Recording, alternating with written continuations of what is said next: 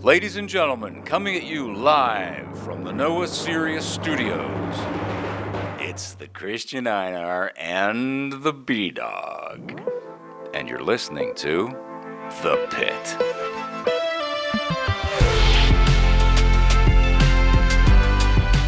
Jú, pitturinn heilsar, ég veit þín bara, ég get ekki talað. Herðu, þetta er, eh, já, fyrsti náttúrulega alvöru þáttur afsins og við erum stattir bara í, í, á, á, já, inn í stofu hjá kreilarnum. Brallin Já. kom með kaffi í hönd og uh, við höfum það náðugt. En Hvað- af, af hverju erum við hér? Hvað erum við að kalla þetta? Uh, Stúdíóðan af völu eða eitthvað? Já, en það ekki. Það er, þetta er, þetta er ekki nóga sirjustúti og podcastaðurinnar allavega. Það þetta er víst. Eina sem er víst er að þetta er allt í þægilegu samstarfi við verkvarðasöluna Ólís, Arena, Kalda, Dominos og Viaplay.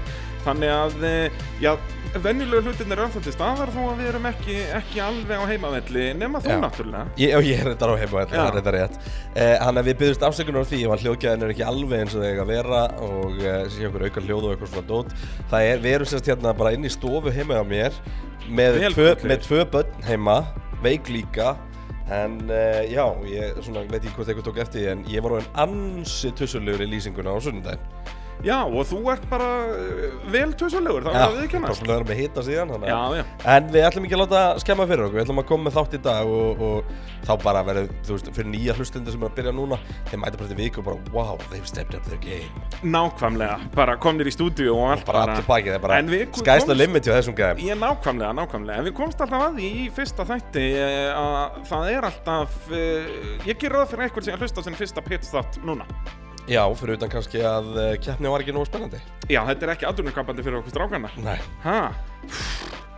Það er, þetta er agalegt alveg hreint uh, og en ef þau eru að hlusta á ykkar fyrsta þátt að þá minnum við náttúrulega á pitturum.is við verðum þar eh, duglegir að setja inn eh, aukaþætti alltaf, það er alltaf tveir þættir á viku, einn hérna á Spotify og svo eh, inn á Patreon síðan okkar pitturum.is og eh, já þar var nú heldur betur eh, legend að bætast í hópin það er hann Siggi Gústa og Crisp Restaurant Selfossi, þannig að ég veit nú allavega hvað ég ætla að borða þegar ég fer á Selfoss uh, Sleið Það er Crisp restaurant, ég fór hann heimasöguna hjá þeim með þessi matsiðið lítur ekki næðilega vel út sko. Hann er crisp KRS Þannig Það er að- eitthvað. Ha?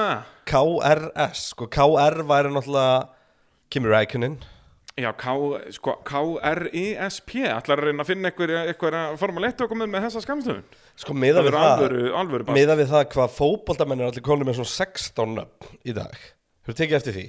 Já, já, Bara, og líka þú veist eins og núna er þetta trend náttúrulega í Breitlandi að allir eru með mömmu og pappanafni sitt skilur, þannig að uh, lamb, heita allir eitthvað svona- Lambalesti er Hamilton Já, og eitthvað svona uh, Mitchell Smith og eitthvað Já, svona, já. þú veist, þannig að uh, það er bara eins og það er Þannig að þetta var alveg möguleiki sko, en já, ég veit það ekki En ég er allan að peppa að fara á Crisp Restaurant, það er eina sem ég veit.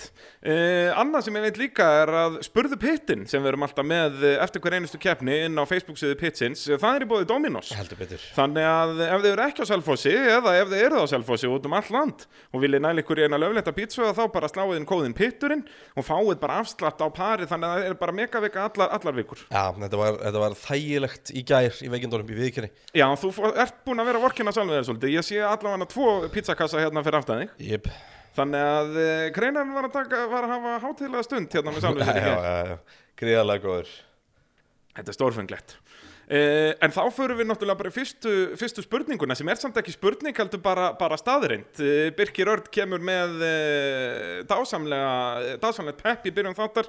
Uh, Kildum í eirað og kallaði mig Haldur hvað maður ránaði með að formúlan sem byrjuði aftur.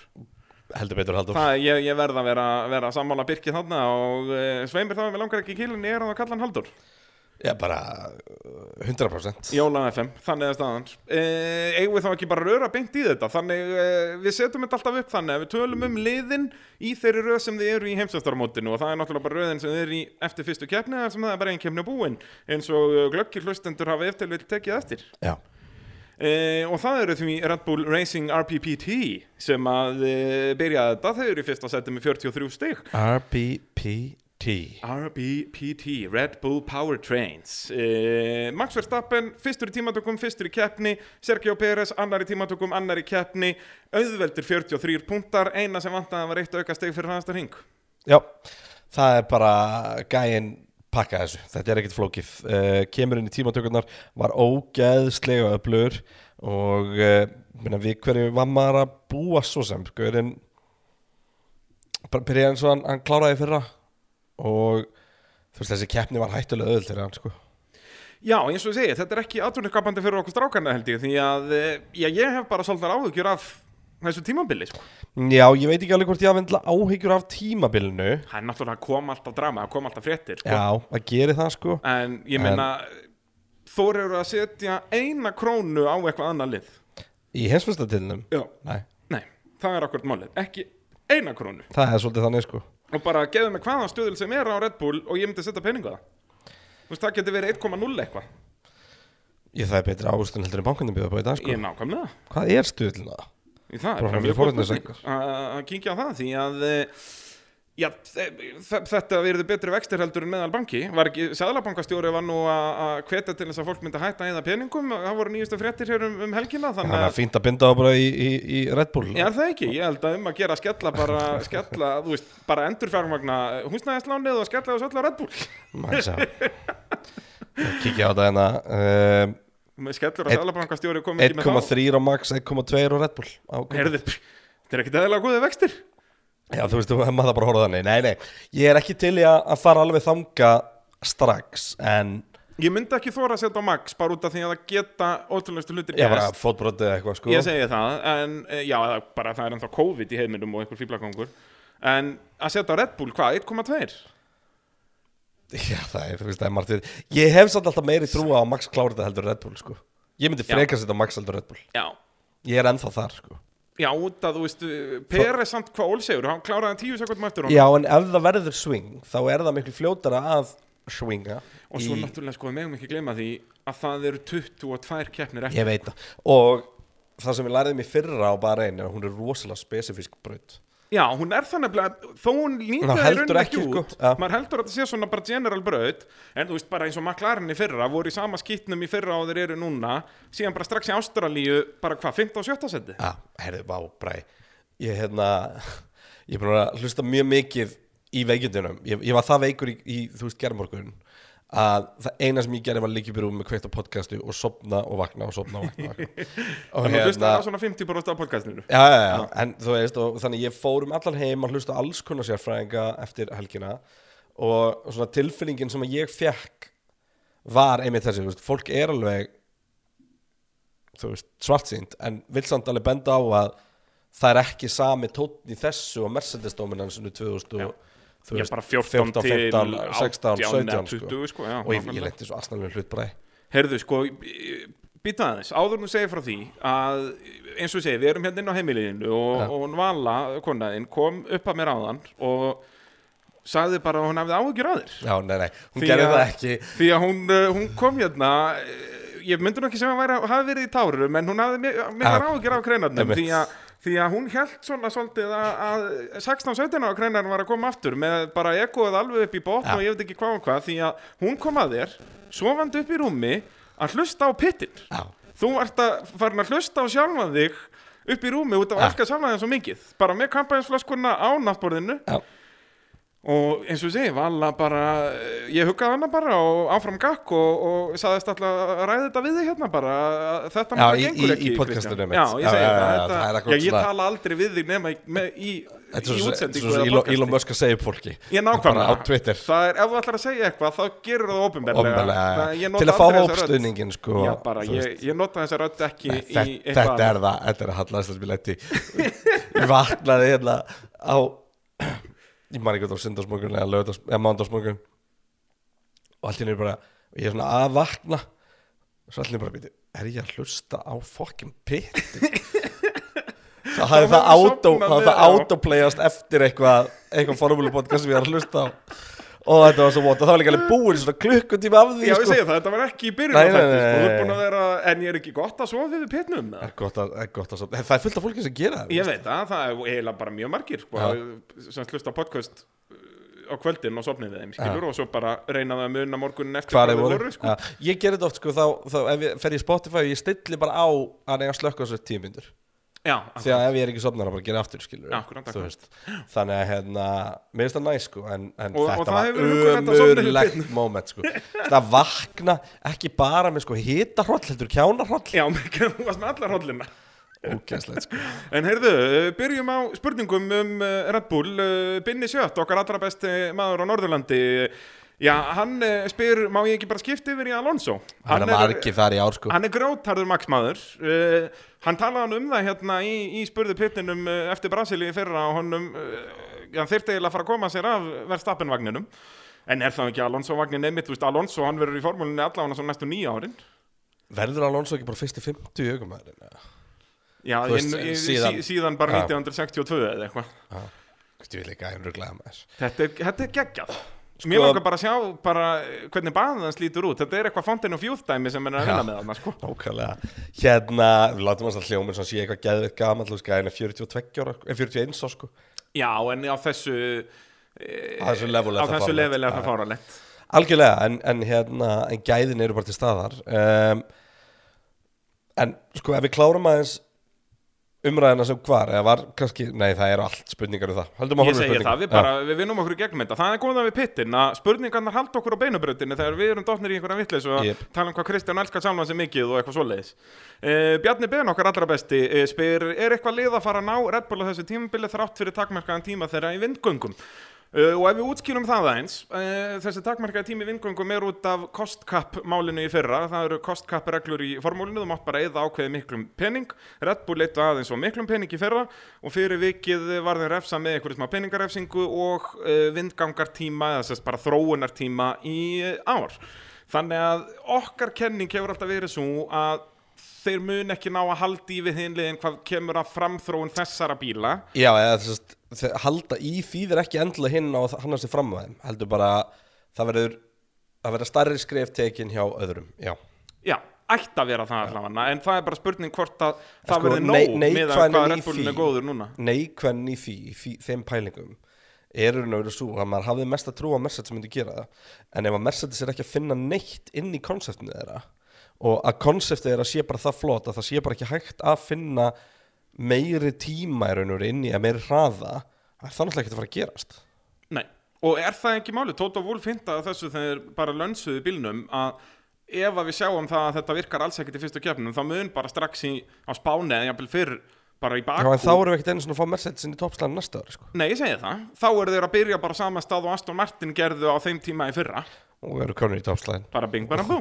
en hérna í vindgöngunum hjá Mercedes Já. með halvan Mercedes Já, Það er náttúrulega galið að liði tapir þar en við förum betur við það eftir uh, Ferrari hins vegar, sko það sem er í ákvæð hérna, og bara ég beðist ásökunar á rödd og öllu Nei, þetta þetta er sexy, þetta er viski í reymur Á og... ég á ég að vera meira þá Já, bara nákvæmlega svona soothing ja.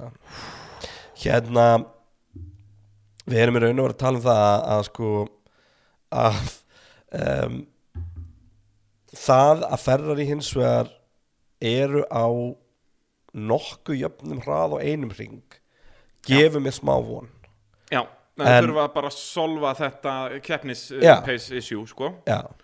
og það er augljóslega dekkjatönd Já Það Og svo náttúrulega við erum að fara allt öðruvísi braut eftir tvær vikur Já, þannig ég held að, ég held að leikunum verið jafnari þar ég er samt að þá að fara að setja Max Afstæðin spátaskeppni á mér Já, það er svolítið svona leis uh, Konrad spyr uh, Mun Peres snarta í hælana á Max í ár?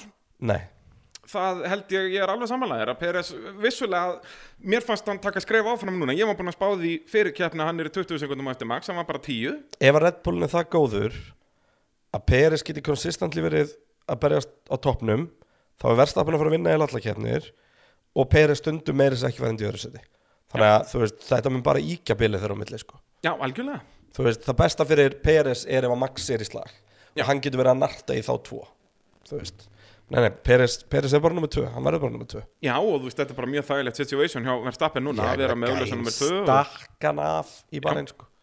bara, eh, já, náttúrulega byrjaði að stinga alveg klerk af í Sam, rauninni samt var hann í einhverju vesana þannig í downshiftunum og þessu dóti og, Já. og það allt saman sko, þannig að hérna var að kvarti við því að hann var að læsa alltaf afturöxlunum þegar hann var að skipta niður eins og hann væri svona Já. off hars í en rauninni bara dæmi um það hversu superior Red Bullin er Þú veist, hann vinnur hann með 15 sekundum eða eitthvað allur að chilla, alla kemna svo mikið að hann getur tekið sko mjúk, mjúk hörð Já. og menn allir að taka mjúk hörð hörð og eru samt pínu marginal á dekkjum Já. þannig að bara galið sko. Algjörlega, algjörlega. Uh, Jóhannes Rúnar spyr, uh, Red Bull með minnsta dekkjaslitið? já, Er það ekki bara alveg staðfest? Þú veist, Jú. allavega miðað við hinn toppliðin, við náttúrulega, þú veist, erfiðar að rýna í þetta með minnilið. var ekkert af þeim sem að náða að taka einhver stökk Nei, í í rauninni keppni. ekki, þú veist. Aston Martin litur vel út. kannski gastli reyndar let dekkin Já, endast en eins og segja, það er bara erfiðar að rýna í það, sko. já, til við sáum hann bara ekkert í kefni Já. ég man valla eftir að maður sé alpinn í þessari kefni sko. Nei, ég, ég, ég- Bara skot- jú, er nema hann- Ocon. Hann geti, já, já, ég, þú, þú veist þú veist, fyrir mér geti hann ennþá verið blár og ég hafði ekki tekið eftir því, Já. sko. Bara, Ei, hérna, Aston Martin var ágætur á þessu já. Já, hann allavega hann betur en Mercedes en það komst, kom augljóslega í ljós hann uh, Ísak Sigfússon spyr uh, já, já, ágætt að vita að við fáum nýjan heimsnestari ár fyrst að Max kláraði fyrstu kefni tímanbilsins sko ekki vist að þið fá nýjan því að Alonso hefur unni áður vinsulega og Hamilton og allir þessi kallar en hérna já, Max verður allavega ekki heimsnestari ef maður uh, fer í sögubækunar það Já. gerir síðast árið 2016 að, að Mér finnst heimsmestarin vann fyrstu það- kefni Mér finnst það svo galinn það staðar er bara fáraleg staðrind Já. miða við líka hvað mikið af þessum tímabilum voru dominant Já, þetta er líka ekki eins og þetta hafa allan tíman verið eitthvað í bara einn sko. Nei, nei, þetta er Ástralíu og Bahrein í raun, bara þessar tvær brutir og bara, Mjög áhugavert sko. þetta, er, þetta var hvað, Fettel, Fettel, Bottas, Bottas, uh, Verstappen, Hamilton, Já, en það ekki. nei Nei, bara bot, nei, Fettel, Fettel, Bottas, Bottas, Hamilton, já, Og Leclerc já, Hamilton Leclerc og þetta, já, 2022. Uh, þannig að staðan, uh, Birgir Ágúst spyr, eh, erum við að fara að horfa á eitt mest óspennandi tímabil formúluna frá upphafi? Alls ekki Nei, og það er, en þú veist eins og við vorum að tala um þetta áðan að við höfum áhyggjur aðeins og allt það en, en það hafa verið mörg ansi óspennandi tímabil þannig að Já, líka bara, þú veist Þetta tímabil lítur út fyrir að vera epist í öllu fyrir utan titilslag Þannig að, að hérna, ég heldur sem að voru að horfa epic þegar kemur að sko því að það er engin bíll á grittinu sem getur ekki skora stig sko. já, meðan með Williamson sko, Það er ekkert sko, leit út fyrir að vera bara að það veri pínu Já, svekkjandi þú veist, hann væri þetta bara sko. er með bara eitt stig eins og, eins og ég horf á þetta núna þá erum við með Red Bull svo erum við með uh, Ferrari, Mercedes, Aston Martin saman svo erum við með rest Já. þú veist, það er bara þú veist, Alpine er ekki eins og þar sko. Nei, þannig að, að hérna, þannig að eins og staðan núna farandinn í Jetta ég veit ekkert hvernig ég myndi setja þú veist í 9. og 10. sæti í spannu minni sko. nei, ekki fræðilegur sko. það er bara, já eins og þú segir, bara ekki fræðilegur bara geti alveg eins bara gert random í Excel sko. Já, samt ándjóks, bara það er svipa líklegt að Logan Sargent verði tíundi og bara Valtteri Bottas já, Landon Norris Já já, þannig að bara, þannig að staðan e, Þetta er að sjálfsögum allt saman í þægilegu samstarfi við Ólís, hvetjum alla til að fara inn á vinahópur.ólís.is til að næla sér í Ólís lykilinn En þá er stóra spurningin, já, hverjir eru óvinnir helgarinnar sem myndu ekki komast í vinahóp Ólís? Sko ég held að sé einn maður sem áskilið eiginlega öll velun helgarinnar Já, Verkvæðsvölu velunin Vinahópin og Kalda jafnvel kalda Nei, ég veit hver á mest kili kalda, við förum í það á eftir Já en þessi á allavega alveg skilið rútu Já, að hann, kalda já, það er góða Ég punktur heldur þetta að fatta um hvernig ég er að tala það e, ekki Er hann uh, hafvaksinn frá Fraklandi? Já Það er hann rétt Þetta grín hjá Esteban Esteban Ocon. Okkon Hann og bara almenn skinnsemi Já Það- Fyrir að henda já, sér í og- vinahópinn. Og Fía, og bara, eh, svo sem ekki, Fía gerði ekkert rámt En jú, hann geti, við munum fa- fjalla betur um þetta En, en það- okkon og bara, já, almenn skinnsemi eru kannski óvinnir helgarinnar síðan þú veist Já, skinns, hann var samt ekkert óskinnsamur Þetta var allt svona, já, förum yfir þetta á Já, eftir, þetta er mjög samt steikt. Já, ertu búin að heyra tölurnar í þessu Já, öllu? já, þetta er dásamlegt Þetta er- dæmi, Þetta er klikkun sko Þetta er indislegt En áðurnum fyrir mig það, þá þurfum við að tala um liðið sem að er eh, með gott foskot í öðru sæti heimsveftaramótsins bílasmiða sem er Aston Martin með 23 stig eh, á sama, já, á, í fyrra tók það liðið 14 keppnir en á 23 stigum þeir náðu því í, í, í, á spa Þannig að Þeir eh, eru komið 47% stíðunum sem er náði fyrir Já, nákvæmlega 50% af stigunum eru komin í hús í eftir Samt eina voru þeir keppni. miklu betur undir lóktímubils Nákvæmlega. Uh, Fernando Alonso ræsti 50, vann sig upp í þriðja sætið, enda það velunapalli og uh, Lance Stroll ræsir áttundi, áttundi vinnur sig upp í sjötta, er, klárar á undan einum Mercedes. Gott sjátt hjá, hjá uh, sérfrængi Kúlbett eh, að hendi þetta Já, heldur betur. Sérfræðingur Kúlbett var að gera virkilega gott mót yep. þessa helgina. Það, það er bersynlegt að eh, ef fólk vil ávægsta peninga sína þá þarf bara að hlusta á sérfræðing eh, Kúlbett. Já, þetta er Engin pressa. Nei, nei um, En uh, já, Aston Martin geggjar og förum bara í gegnum út að auðvitað fengum við langflesta spurningar um, Já. uh, um þá því að já, þetta var svona langstesta fréttin bara þessa helgina, Fernando Alonso geggjað comeback uh, uh, á veljónapalli, hans já, ef við tökum frá hennan Katar veljónapalli hann 2021 að þá var þetta fyrsti veljónapallurinn síðan 2014 Já, sko, það sem að náttúrulega bara svo geðvægt við þetta um, er að þau hafi náða bakið upp því að við vissum og vorum fann að hæpa Aston Martin eftir fyrstu prófinir Við hæpum á eftir fyrsta dag alveg svo toppar hann er núna í, í þessa Í helgina æfingunum. Svo mæta þeir í, í þriðarlutan og hann toppar það líka Já, Svo eru tímatökur og það á allt í hennu Já, já, já, ok Það var ekkit eftir til að skrúfa upp hana akkurat, akkurat En svo voru þeir bara með miklu betra keppnispeis heldur en bæði við Mercedes og Ferrari fokkin tímatökur sko, það hristu svo uppi mér því að maður einhvern veginn fór í gegnum þær þú veist, ég, aftur ég byrst afsökunar röddinu og hræsleikanum og eitthvað dóti, ég lofa að vera betur næst en hérna þetta er raun og veru þannig að sko þú veist, ég, minn líður bara þessi að smita fólki í gegnum mikrofón sko, Ég er allan að tveim metrum frá þér, ég hefði átt að koma og, með ég, grímu og ég með hjálm hérna það er þú veist við förum inn í fyrsta hlutan og það er þetta öllu blandað einhvern veginn saman og gott ef við var Alonso sem toppaði fyrsta, Fyrstu æfingarnar nei, fyrsta, hann var, fyrsta hlut tímatakana uh, Nei, ég það var man ekki, nei. Sainz, held ég Allavega, Sainz stoppaði eitt hluta Alonso var upp þeir og eitthvað svona dót og bara endal á Q2 þá var ég bara, heyrðu, ok, þetta verður bara geðitt Já Auðvitað, Red Bull komu Ah. Red Bull uh, bara spiluðu alveg sama trikk og Mercedes sem var gert þarna undanfærin ára að vera bara alveg fram á síðustu stundu Já. þá sínaði hendina sína og uh, svo hendiði djöfulli góð uh, Það var ástrótning, myndi ég segja, sko Já, nákvæmlega, nákvæmlega Uh, Svo Sturlu staðarind með Alonso hann er fyrst ökumæðurinn núna til að keira fyrir alla vélaframleðendurnar að turpa hybridnárunum Já, hún ætla að kera fyrir Hondi og McLaren Já, svo byrjaði hann hjá Ferrari uh, fór yfir til Honda, kerið síðan með Runo, Runo Já, Alpine það er alveg Runoinn sem er Nei, samt ekki að Turbo Hybrid ánum var það alltaf bæði voru báðir hérna, bæði Alfa Tauri og, og Red Bull í smá tíma Já. eða Toro Rosso Já. og Runo liðið Já, ok Já, voru Runo alltaf bara með þá þrjá Já. Já, þau voru fóru svo aldrei bara með niður í hérna- tvo og svo bara niður í einn Já, þetta var alltaf hérna Racing Point og Force India var alltaf Mercedes Cyril Abitibúl var ekki að gera mikið í að selja vilna sinna Nei, það er ótt að segja það og ekki var Kristján Horner góður influencer fyrir þær Nei, ekki besta svona eins og, já, eins og þú segir, hérna fronturinn fyrir þetta uh, En Jón Orri spyr uh, Hefði Fettel geta skilað þessum Aston í uh, þriðasætið eða er þetta bara magnaður Alonso? þarna held ég að við séum með risastóru spurninguna Ég held samt ekki út af því hversu auðvelt þetta var fyrir Alonso hvað, hann, þegar tíu hringir voru eftir var hann bara byrjar að pæli hvar stról væri og bara, sko ég held að Alonso hefði tekið Leclerc já, það er önnur spurning sem en við ég held fengum, að Fettel hefði ekki gert það sko.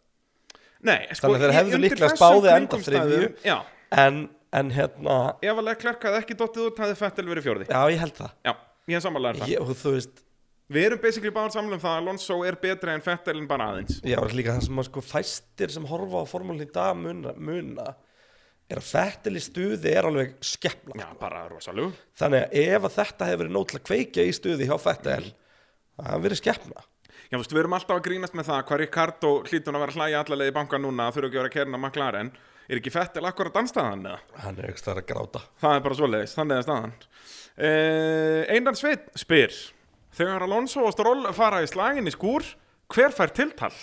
Þetta er fyrir þetta frábær spurning sko og þetta, þú veist, ok, við verðum náttúrulega að tala um þetta Fjórða beigja í fyrstu, fyrsta kappaktir tímumbilsins og Stroll er nú þegar búin að bomba einu sinna á Alonso Já, ég held að hann væri að ströða okkur út að heyra hjöpparinn að ringi okkur eitthvað neitt Þetta meina þetta, er alltaf að vera vintlust Já, Doktorinn brálaður og, og Já, bara- ekkert sem við getum gert hann vildi, vildi segja okkur hvort fengi tiltalið Hérna Sko Ég held að það var ekki Sástu þarna var rosa eitthvað krútlega mynd þarna af eh, þeim tveim þarna Stroll og, og, og, og sérst, eldri og Alonso að knúsast Já, já, þú veist, auðvitað, þeir munu reyna að halda öllu svona PR-dæmi núna alveg í algjöru lámarki, en eins og ég segi, þetta tók fjórar beigjur og það er runni bara út af þessari nýju kynslu bíla sem þetta gekk upp. Ég held sko 21 bílinn bæði hafði framvængunum brotnað undanjóstaról og Alonso hafði snúist. Já og þú veist, gömlu vænginu voru meira að skera dekk Ég segi það Þannig að þetta er bara, þetta hefði geta verið katastrófa og magna hvað þeir sluppu með þetta miða við allt og allt en ég meina Alonso hafði verið komin upp í þriðasætti svona 30 ringjum fyrr hafði þetta ekki gæst Já, þannig að e, jú, ég, eins og við tölum um fyrir tíumbila þetta á eftir að verða vesen það er ekki nokkuð spurning þetta, og, og einmitt þetta var líka bara svo fucking heimskulegt bara já bara kemur eins og fljúandi skítakama strólaðan inn í beiguna Já, þú veist, þetta bara, hérna en ég meina það er ekki til fyrsta skiptum sem, sem við segjum það Nei, en þú veist, þetta var bara, þú veist, það náði ekki að stoppa og svo var narratífið eftir eitthvað hann verið illt í hendunum þegar hann rakst í hann Þegið En uh, já, hver far tiltal uh, þegar þið farið slag? Ég ætla að vera ekki Alonso Þú veist, Alonso verður alltaf Nei, þeir get ekki látið hann Þetta Nei. verður mjög áhugaðan Alonso er hann allt og verðmætur Já, fyrir Lorenz núna, sko já En þú Al veist, Alonso... Alonso gæti verið það góður að hann íti stról hinnum út úr liðinu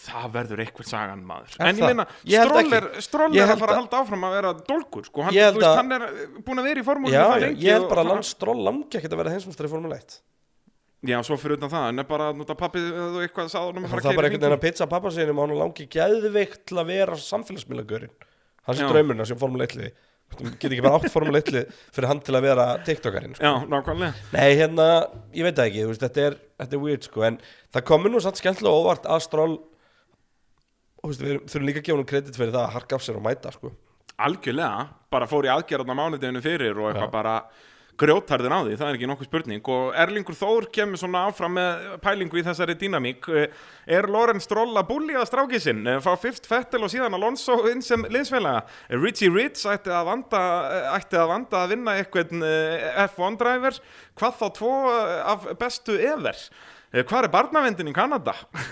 Þetta er góð punktur, þetta er Já, góð en ég punktur meina, ef ég var í Stroll myndi ég alveg vilja þetta bara að vera alltaf með, eins og við segi, bestu ökuminnum í heimi Ekki að pakka þér Nei, En það er skárra samt heldur en að fá eitthvað Latifi og hann pakkaði, sko já, þú veist eins og bara gegn fettili fyrra Stról, þú veist, við tölum ennþá um stról Já. sem alveg ágætti skapatsökum Já. þá ekki gleyma því að við þá eins mikið og við drullum yfir stról þá segjum við alltaf en Og líka byrju, hann endaði sjötti núna Já, hann var síðastur af uh, Nei, byrju, það eru tveir Red Bull fyrir framan hann Var Russell eftir húnum?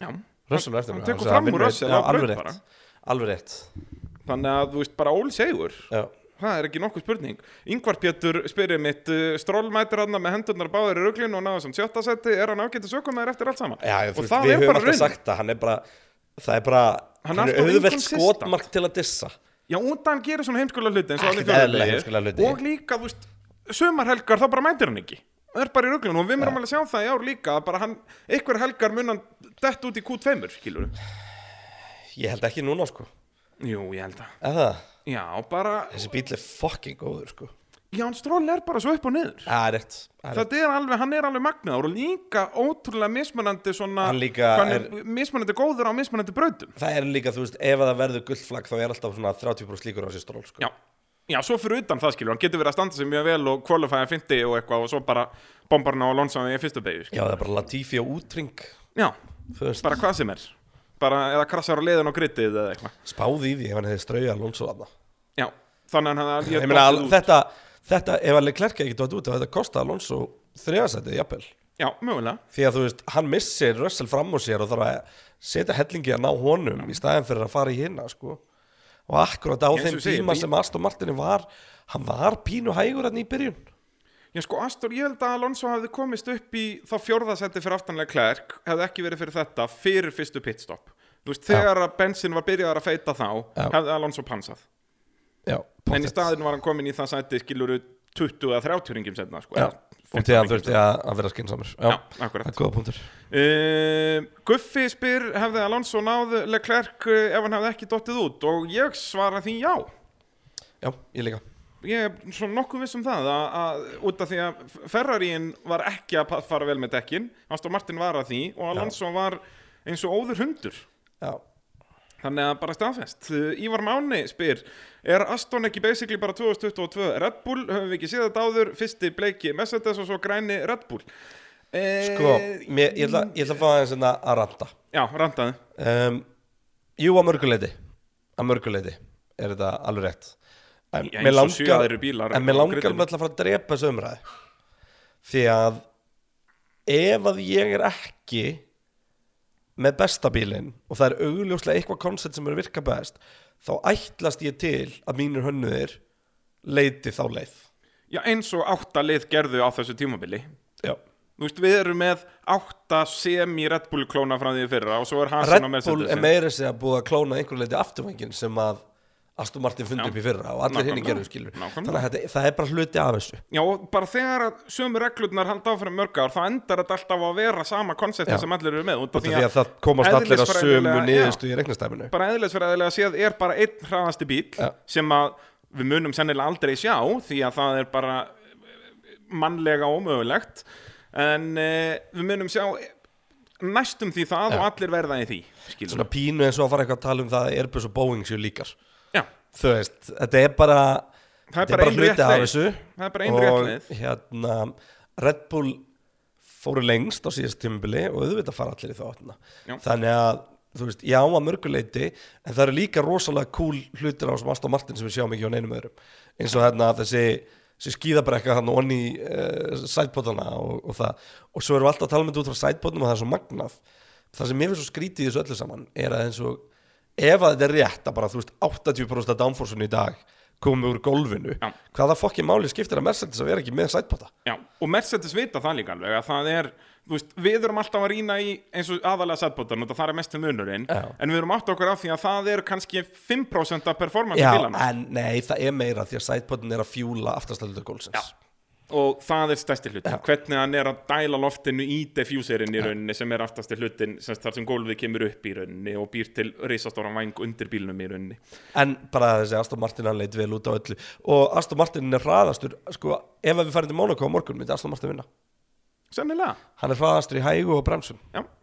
Það er, eh, og ég minna það er nú ekkert svoland í Monaco, hvað er það, sjöfunda kefni? Hann gæti alveg unni Monaco sko Já, allavega, þú veist, mögulega doppel pótíu með eitthvað. Þú veist, það getur náttúrulega allt gæst í Monaco, þannig að það er, uh, það er bara lögadagurinn.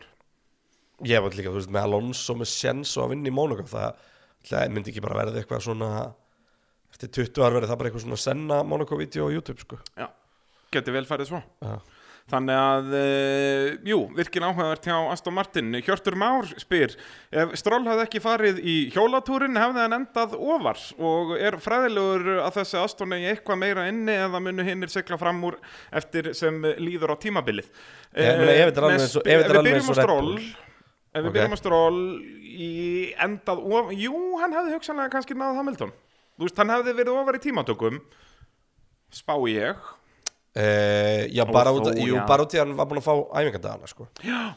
Ég myndi held að það sé almáli sko. Já. já. já, hann er alveg ekki að gera Hugsanlega enda fyndi. það Astonin var næst besti bílinn þannig Já, já, algjörlega Alltaf í höndunum á Alonso Já, og bara, já, hann hefði mögulega enda fyndi spá ég, hefði hann ekki slasað sig þarna fyrir Já, kemni örgulega uh, En Aston, verður hann betri og betri? Já, ég meina Já. liði segir það Nún eru þeir bara konum með plattformin sem sem þeir vita virki og nú geta við loksins fara að þróa þetta áfram meina, í ef hann staðan er- fyrir að vera endalist að leita af nýjum lausnum Förum bara tilbaka, ef þetta er alveg eins og Red Bullin þá er auðvitað aðeins með henni Já, algjörlega Þú veist. Og ég meina að þeir hafa núna hvað, 40% meiri vingangatíma heldur en Red Bull Shit, já, það er skeri Það er djúvillig skeri Meira Hvað er Já, enda það er Astonin ekki fyrir fimm, þeir enda sjöundu í fyrra sko. þannig að þeir eru þar með 100% er það ekki, nei 110 það? 110 eða ekki 110% meðan að Red Bull eru nei, Nei, þeir 60 eru... þeir eru með tvöfaldan tíma Já.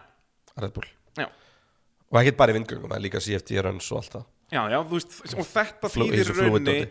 að þau geta prófað allar sína kenningar tvisasunum hraðar heldur en Red Bull Já. þannig að þau komið eitthvað væng heyrðu, hendum þessu í vingungin Ég geta bara að prófa miklu fleiri hluti já, út af því að það er alltaf þannig að það er alltaf þetta stóra ef Þannig að ætli eitthvað virkar í Red Bull verði tölvunni ekki farin bara að fylgjast með hvað Aston gera á næstunni geti verið talan ekki um ef að Dan Fallos er jafn klár og, og ef hann er nægilega klár til að, til að Njú hefði gert hann að sínu nummer tvö já, heldur þetta ekki bara áfram, Njú hefur bara að taka frá honum því að sem hann gerir ég meina njú er ekkert að engjast Nei líka úst, munurinn á Red Bull og Aston út af þessum tíma er að Red Bull þarf bara að staðfesta hlutinni virki Já. geti ekki verið að prófa hlutina Já, það er akkurat máli geta, Þú veist, bara tekið hænuskref Já, þau þurfa bara, nei, nei, þeir geta, þeir geta alveg tekið jafnstór skref þeir bara geti ekki verið að gambla á stöf Já, það er akkurat og máli þannig að sjá hvað virkar á hinum bílunum og fara þá bara með það í þróun það er auðvitað gálegasta leiðin Já. fyrst þeir eru með fórskotnu þegar skilur Já, og líka bara svona snýst mikið bara um að viðhalda fórskotnu Já.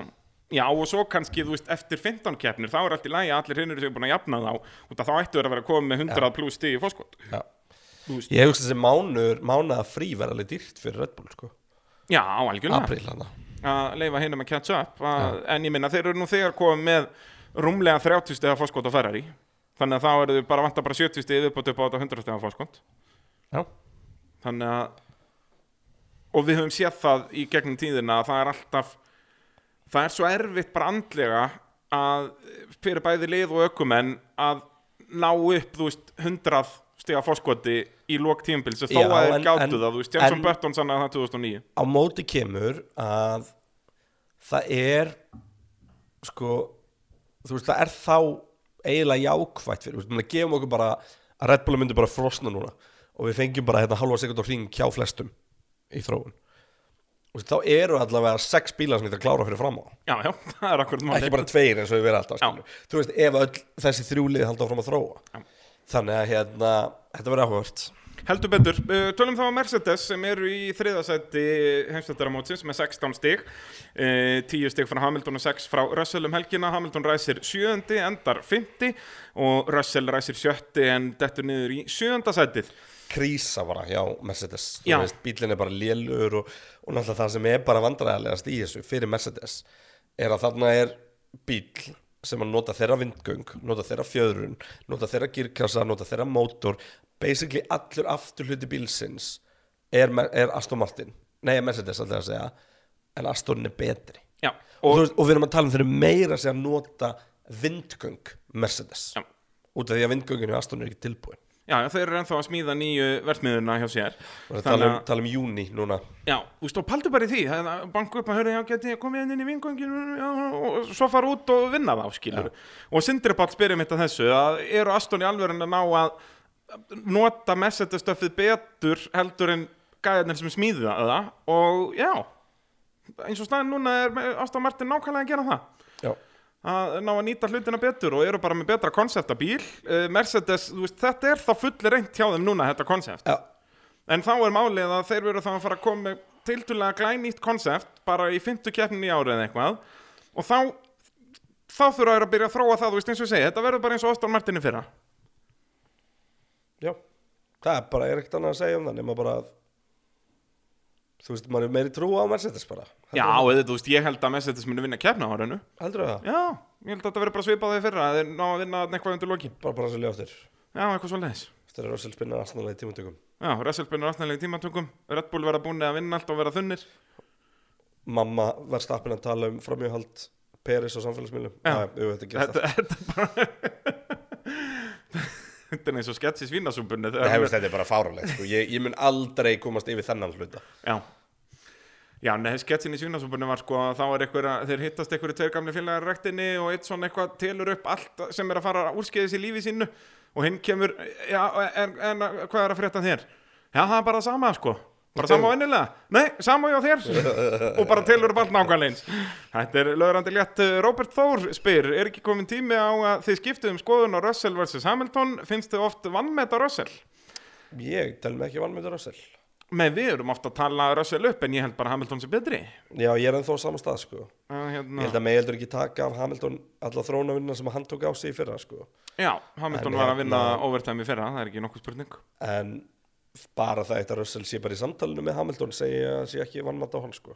Ég segi það, bara að við séum að setja hann í sama klassa að, Ég minna það er, ég setja það einu er klasa future fyrir neðan Já, en þú veist, hann er ég í held að við samtalinu getum alveg settlega Klerk og Russell í sama klasa í dag sko. Já, já Russell er þú veist, sem framtíðar okkur með Mercedes ég held að Russell er eftir að verna heimsastaratitil Já. á sínum ferli, það er bara þú veist, af þessari kynsluðarnalega Klerk, Russell, Norris Freddy Kvík kemur inn í staðin fyrir fyrir sko. Hamilton fyrir Hamilton, jú, jú, þú veist e, það verið geggja að það verið Norris til dæmis Mhm.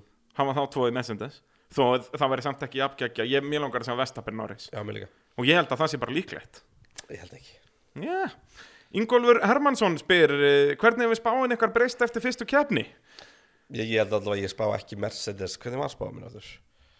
Um, já hvað, við vorum með Mercedes í öðru eða þriðja, vorum Ég við var ekki ég með var Mercedes með, í öðru ég var með Verstapinlega Klerk, Hamilton, Russell, Sainz, Peres, Alonso Hamilton í þriðja Já, ég held ég verið að setja Peres ofar Peres upp fyrir báð, bæði Russell og Sainz já og Hamilton Allavega. neðar Já, og Hamilton neðar líka En hvað, ok, genuine spurning, hvað rendar Alonso á heimsvæmstaramótinu? Er hann Eftir ekki bara tímabil. að fara að klára Það er hann ekki bara að fara að vera svolítið fjórði eða eitthvað Jafnvel þriðji? Heldur þú það? Þetta, þetta endur bara eins og kemnum helgina Nei, fyrir utan að ég held alveg klærkandi fyrir ofan Peres. Já, en þetta verður Já, þú beislega taka spanna mína nema að skipta út Alonso og Hamilton Það er, nei, Alonso verður fjórði. Ég Já, held Ég held að það sé alltaf að ég líklega. fyrir að setja Peres ofar Þetta verða báði Red Bull og Leclerc og svo Alonso. Já. Ef að Peres getur konsistentli skorað unnustætti núna í byrjun tímbils þá lokar hann Já, en þú veist, Topp ég- þremur, Leclerc verður stemma. alveg vesen fyrir Peres, sko. Þú veist, Peres var ekki komið fram úr honum fyrir en bara þarna í, var það ekki setni stoppunum frekar en svo fyrir. silda bara fram hann Já, algjörlega, um leiðan hann var komið fram úr, þá var þetta ekkert vesen. En, uh, Þetta var bara eins og að setja mig í marathón á móti einhverjum pró-marathón löpura Hann veit alveg ég er að fara að detta niður döður sem ástætt það er enda reynd. Það er bara Þetta er engin bara- ástæða fyrir alltaf að vera eitthvað að reyna á sig sko byrjar að leika sér með þeim bara og Ja. svo bara, heyrðu, hann er látin ja. það, er- það er Bara góða skokkum punktur við mark sko illa farið með góðan ferrar í þannig Uh, þetta er að sjálfsög allt saman í þægilegu samstarfi við eh, Kalda, hvetjum alla til að skella sér í bjórböðun fyrir norðan og það er komið hótel og allt þið þekki þetta hlustendur góðar, geggjar veitingastæður og, og ég veit ekki hvað og hvað ég skellti mér nú í eh, Kalda Light uh, í ríkinu áðan, hreint ekki amalega pakki uh, en hver á mest skilið eitt Kaldan eftir keppni uh, ég held bara sama nafnu og væri í skjálinu frá því í fyrra, Sebastian Vettel Já, bara fyrir að þú eru að hafa sleppt þessu Já, mér finnst að hann er alveg skilið eitt kaldan bara svona fyrir hérna anskoti, Já, já ég köpa það en það ekki bara Já. hann, hann átti skilið eitt kaldan eftir Abu Dhabi þeirra bara út að hann var að kveðja og Herri, svona vanta bara svo mikið eitthvað svona fettileg kom inn í staðin fyrir Storól og hann og Alonso hefur bara verið þarna eiginlega á toppnum sko Já, Fettil hafði 100% verið strax á eftir Alonso núna, þeir höfðu endað í þriða og fjórða Já, ég held það sko það er bara staðfest sko og þá hafði Ferrari fengið tíu stig um helgina e, talandi Ferrari, þeir fengi ekki tíu stig þeir fengu tólf stig, þöggs ég Carlos Sainz í fjórðasettinu Þökk þess að, uh, að Fettel var ekki Já, nákvæmlega. Leclerc ræsir þriðji, Sainz fjórði og Sainz endar hérna fjórði en Leclerc dettur út með eh, ónýta vél eða vélarbilun. Davíð Örn spyr. Leclerc setti setni batteripakkan sinn eh, í bílinn, eh, sest Energy Storið, það eru tvei lefðir yfir tímabilið eh, og þetta DNF leit út eins og rafmaksvesen. Erum við mögulega að fara að sjá hann fá tíu sæta grittpenaldi í annari keppni tímabilsins sem væri svo ferrari legt eða haldið þið að þetta hafi verið eitthvað annað sem bilaði? Ég veit allavega ekki hvað það var sem bilaði Nei, Ferrari hafa ekki gefið eitt út um það eins og ja, venjan er með liðin, þeir vilja helst ekki gefa þetta út fyrir en já, bara það kemur að því að uh, sína í rauninni hvað af þessu er ónýtt upp á refsingarnar að gera. Já, þú veist, þetta Energy Store dót er samt dót sem er lítið að bila sko Já, Þannig að þú veist, það getur vel verið að hann getur menn að þú veist, það munu öll lið taka vélarreysingu ástímbili og þá verður þetta bara tekið með því, skilur Já, akkurat. Þannig að ég, nei, ég held að það sé þú veist, ég held að sem ekki að fara að sjá vélarreysingar hjá neinum fyrir en, ég ekki nema, þú veist ekki nema bara að klærlendi ykkur tjóni og skemmi þá setna energy story, sko Akkurat, en við, þú veist, venjulega sjáum við ekki þessar vélarefsingar fyrir en allavega eftir tíundu keppni, venjulega svona í kringum, þetta er svona Monza spa ekki Ah, sem þú þetta spyrir, fyrir að al- kikka ekki þú vélinn. spyrir runn og í fyrra Nei, það var allt með eh, ráðum gert, skilur, Nei. alveg eins og með Alfa Tauri og Red Bull hérna 2000 og var ekki 20 þegar þeir byrja með Honda, skilur, þá bara fóruð þeir í það, heyrðu, nú ætlum við að þróa vélina tvisasunum hraðar, og ætlum að, já, og líka bara, þú veist bara, við ætlum bara að taka refsingu, bara ætlum að prófa bara komið nýja parta já, ég segi það, sko. en þú veist, ég man, þetta var geggja tíumpelan 20 um þegar Max Verstappen var alltaf að ræsa bara 30, hann var geggja. En hérna, já, þessi vélabilun, ég spá ekki neittni refsingu eða neina svoleiðis, en ég er sammála Davíð að þetta leit út fyrir að vera rafmakslutin frekar en vélinn sjálf. Þetta var svona ö, öll, öll, öll ljós ö, kveikt og enginn heima. Mér fannst skeri að heyra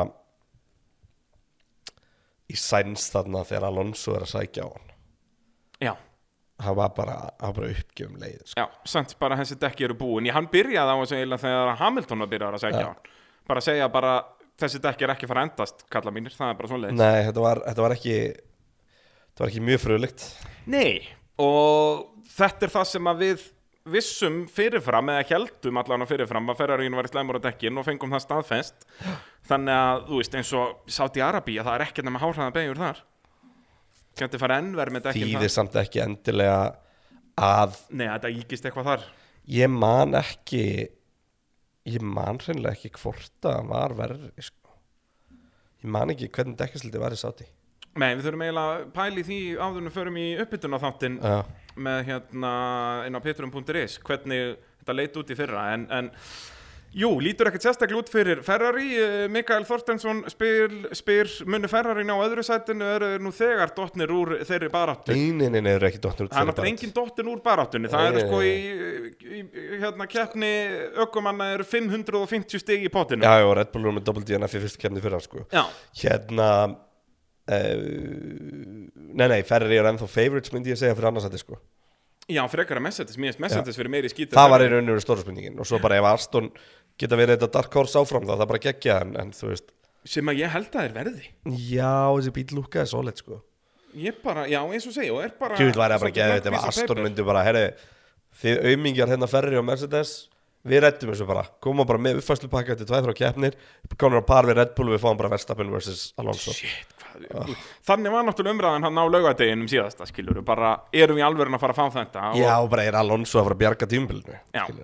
já, hann er allan, hann bjargaði fyrstu kefni Yep. það er bara staðfæst skjálfist og þingli Já, hún hefur verið derrepana, sko. já, ef hann hefði bara verið þarna í 5-7 skilur þá hefði ekki verið nein frétt nema bara okkon í ruglinu En það breyti því ekki, hann er að klára 40 sekundum eftir Verstappen, sko. vissulega, vissulega Uh, og Rökkvi Rappn spyr þurfa Ferrari að vera þólimáður þangað til í Barcelona uh, hvort að koma ykkur uppfæslu pakki þá og, og jú, vissulega Nei, ég held að koma uppfæslu núna í næstu keppni. Já, og Ég held kemur að komi væntanlega fyrst hvað, til það er Saudi, Bakú, sko.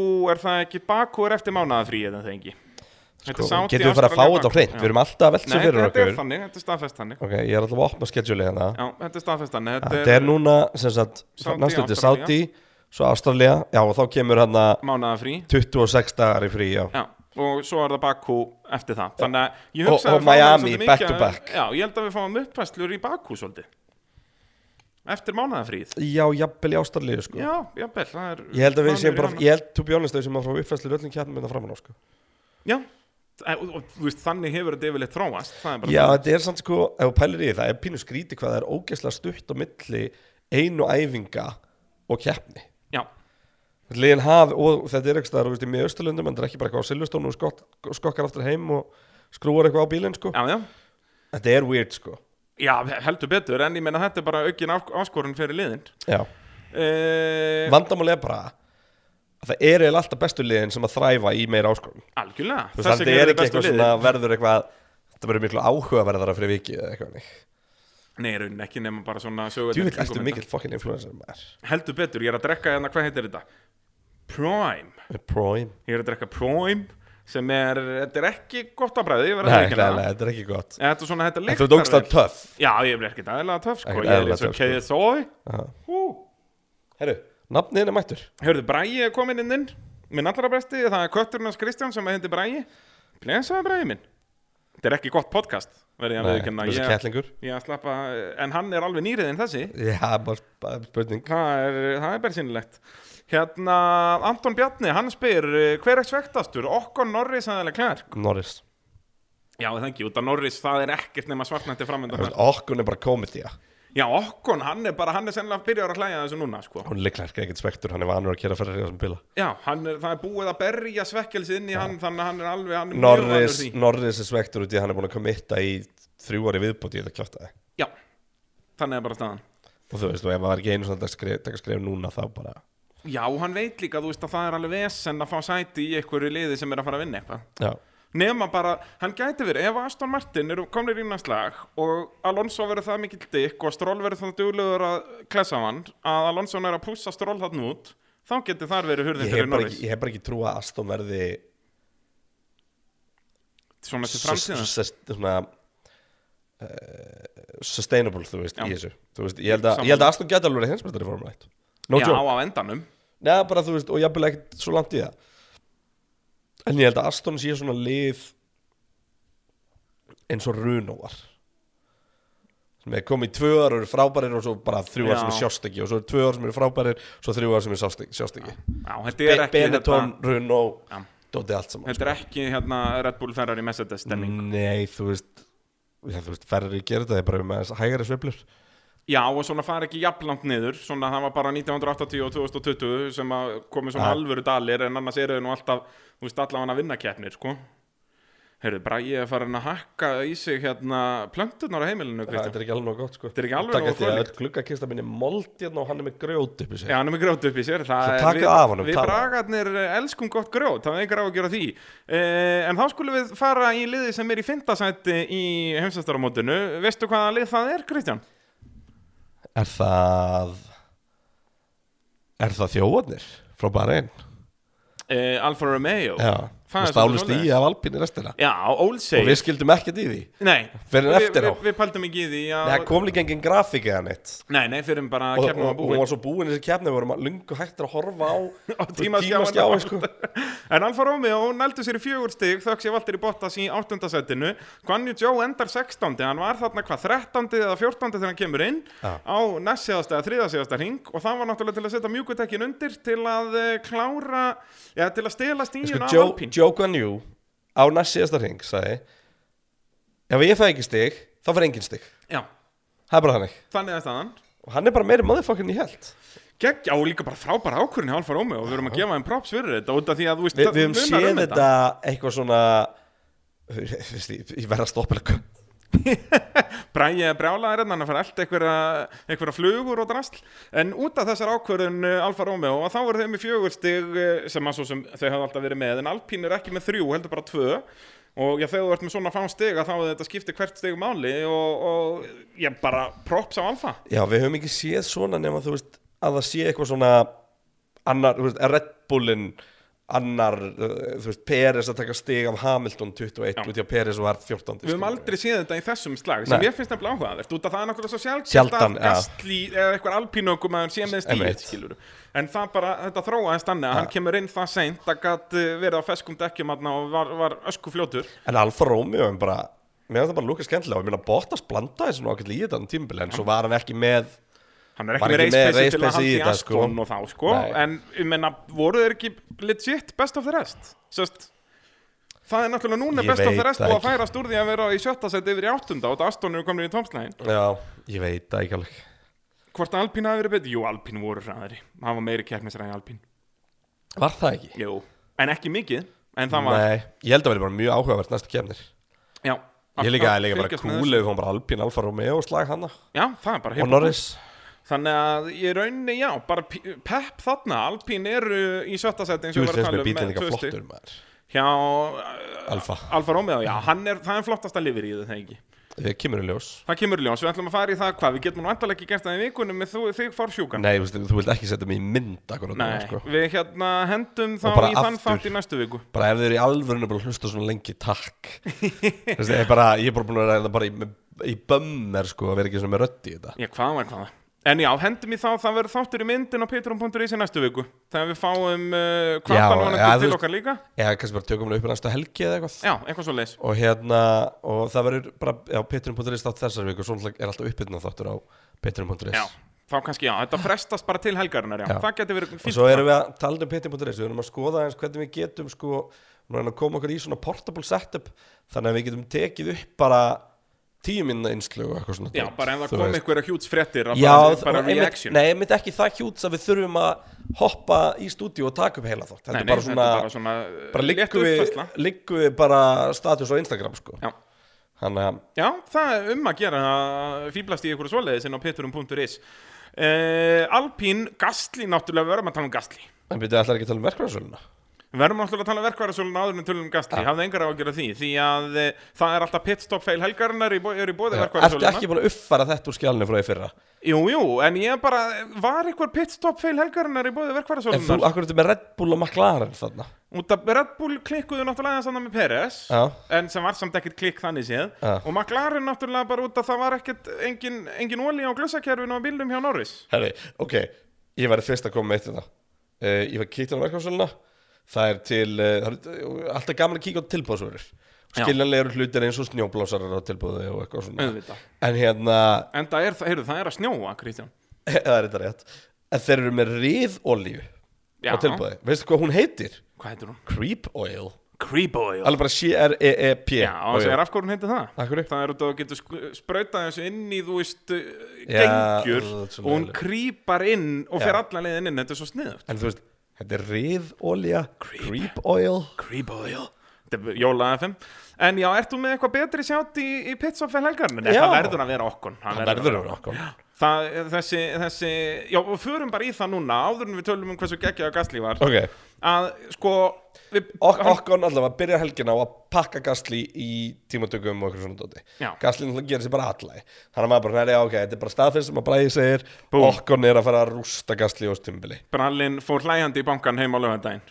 En grátandi á sunnudaginn Ó já, Því að fyrsta lagi byrjar okkon á að stilla sér vittlust upp á ráslinu Já, er sem sagt, það var rétt sem þú sagðir í útsendingun, hann fór ekki á framarlega, Já. hann er bara aðeins svo langt til hægri. Já, ég með þess að tók ekki að því, ég sagði bara hann er ekki á framalega Já, ég segi Því að það var það. bara ombordið Já. Það var ekki fyrir maður sá ljósmynd framar á grittið þar sem hann stendur einhverju 15 cm lengur út læri En málið er bara það, ef þú skoða grittið þá eru bara þrýr aðri bílar en líka Bara ekki alveg að mikið Já. Þannig að þetta er, þarna er eitthvað sem að fýja þarf að klarifæja Uh, nei, þetta er nefnilega klarifæða þarna, eins og í Brasilíu í fyrra, En það var of lítið grittið já, þá gerði þetta nokkri og fengu ekki refsingar Bara fyrir eitthvað sem það. að teiknaði völlin og lítið Já, það var bara einhver, einhver Brasilíu kall með bumbu sem fór með málinguna þarna út og málaði Og ge- en hún gerði var- var gerði var þetta í með málband. fetum en ekki metrum Já, það var eitthvað þannig stemning og þess vegna var ekki tekið að þeim þarna en í bara einu er þetta allt klappað og klárt Já. þannig að og okkur var eini sem var Alveg sest, fyndi. út fyrir kvítulínuna ég var að segja hennu frá þeir sem er að fara að keppa í kapastróbraut það myndi maður bara svona uh, segja hennu kannski betur frá þeir en, en hérna uh, bara fullur kall sem að er algjörmestari og alltaf er að fara að gera úti og hérna var að gefa hann svona alls konar tips með þetta og hann bara, þú veist, þú veist, ég alltaf veit ekki hvað er að gera og ég var um að útskýra fyrir hann þetta með gullínuna sem að stendur út sem að horfir á þannig að ég, ég hef ekkert pælt í henni lengi hún er orðin svona 6 metrar yep. þú veist, í alvörunni, hún bara nær þvert yfir brautinu hún er hann svo breið, sko Já, það er líku við snertast á sömum bröðum Já, bara út af því að þú veist, þeim, annars sérðu það bara Nei, þú situr það neðalega ekki í og það stórum bíl Já, og hettiræsti og þetta, þetta er svo mikið fyrir og þú sérð ekki nokkuð skapaða hlut Þetta er magnað sko Það er Þannig bara að þannig. mér varst bara að fyndi, þú veist, ég er eitthvað svona Þetta fer ekkert framhjáður ef þú skoða gritt Ó nei, þetta gerir það ekki En allavega, þannig að hann fær 5 sekundar refsingu fyrir þetta Já.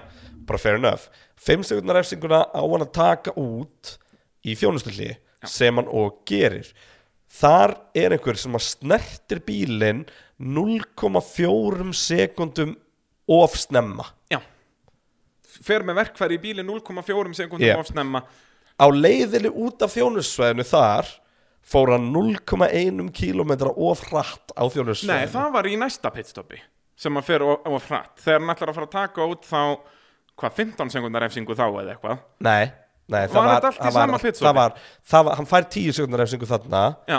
5 sekundar refsingunni breytti 10 sekundar refsingu og á leiðin út fær hann 5 sekundar refsingu þannig að hann Já. tekur 15 sekundar refsingu Akkurat í endan, tekur hann 15 sekundar ekkert refsingu eðlilega öllegt sko. Þannig að við erum að þetta eru tala um- þrjá refsingar við erum að tala um að það er einhver sem rekst í bílinn Já og svo kerar hann hratt þetta er agalegt sko. Þetta er án efa pizza feil helgarinnar í bóði verkvarðasölunar það er bara engin, engin spurning Og uh, já, Eiríkur Ingi kemur með áhugavert komment hérna Okkon vs. Maldonado og uh, síndi mynd með því og það eru náttúrulega, þeir eru nú- núna jafnir með flestar sem sagt akstus refsingar í einni keppni sem eru þrjú stykki þó að mér er einkennlegt að þessi flokka sem akstus refsing þarna pit crew meðlemur Nei, snerti út í að þetta er bílinn. víti, hann fær refsingu Já. Þetta er ekki sekt, sko Akkurat, að, að þá eru Ég þeir sá núna að þetta jafnir. gastli fekk sekt fyrir að gera hrattir og pizzasvæðin líka Nákvæmlega, þeir En eru það, var, segir. það voru 100 eurur, hversu lítið fór hann þá yfir? 100 efurur Það hefur verið eitthvað svona 0,0 eitthvað Já, þú veist. bara eitthvað fáranlega lítið En, uh, já, En Það var ekki í keppni, sko, það var á á æfingu æfingu En út af því að gastli er náttúrulega bara uh,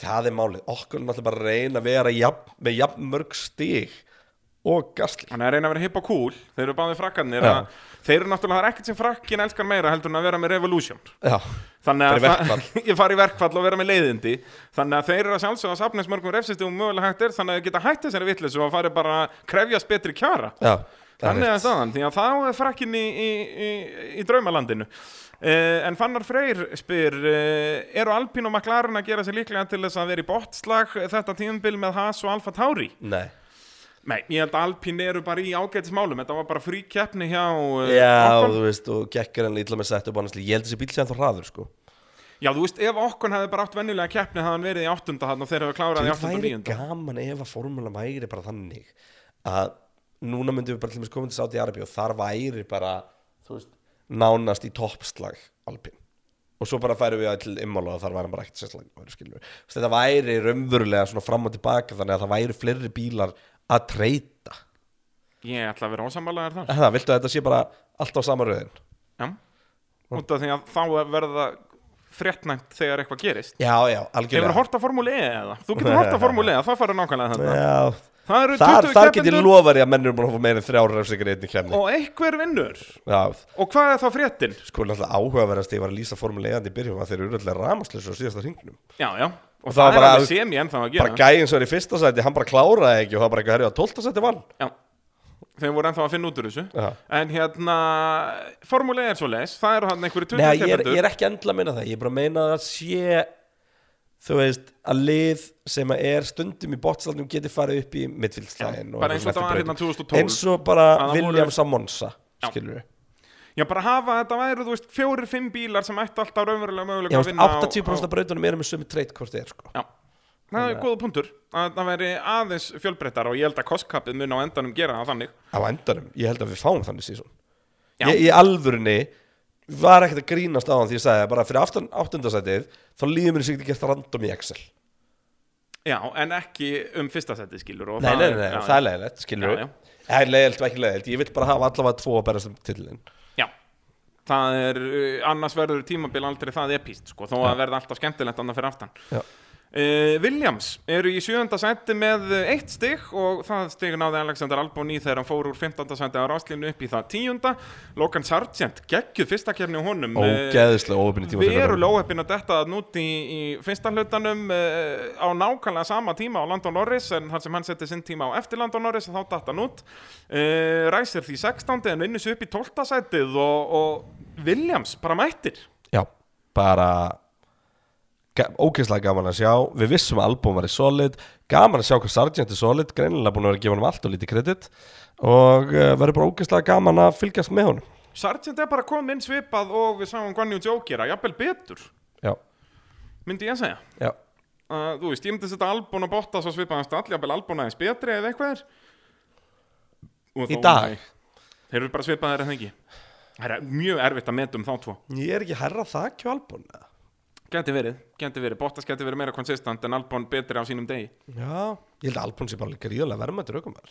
Já, algjörlega, ég held að hann verði ekkert hjá Williams mikið lengur nema Williams fara að rífa sig í, í Nei, miðjuslaginn sko. veist, Ég myndi taka Albon held ég bæði fram með gasli og okkar Ú, ég veit ekki með það Nei, myndir ekki allavega setja hann á par við það Jú, ég myndi senda hann á par við Hann er í þeir, því það Já, brakketi já, ég segi það Svona, ég myndi En bara ekki, ég held ef ég að þú væri í veist- Alpín núna væri ég ekkert að leita af að losa mig um gasli til að fá Alboninn, skiluru Nei, og okkar er ekkit ólíkur aukumar Nei, nei, en ég er samanlega, ég hann er í það Albon, sko. Jafnvel, já og þú veist ef að svo staða myndi koma upp í Alpín að annar hver aukumæður fer sem er nú bara mjög aðeinlegt hjá, Al- á Alpín það vill enginn gera fyrir það að þá myndi væri Albon alveg ofalega á lista þetta væri Norris og þeir o- ofar skiluru en, en Albon væri í samtalinu já, Albon og Norris var allir geðveitt komboði já, sveimið það, verið gaman að sjá það í sama bíl sko.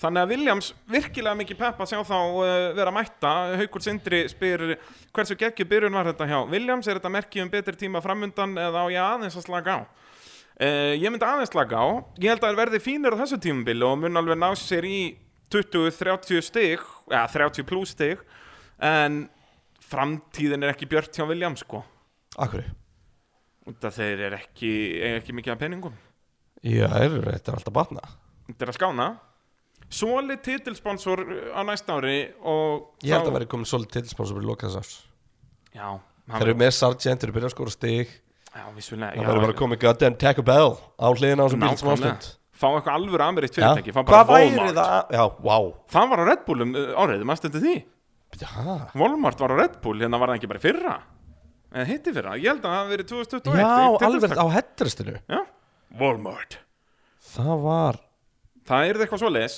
það er ekki ekki er það ennþá? Nei, Nei, það var ekki á, það var hérna á hliðunum hérna.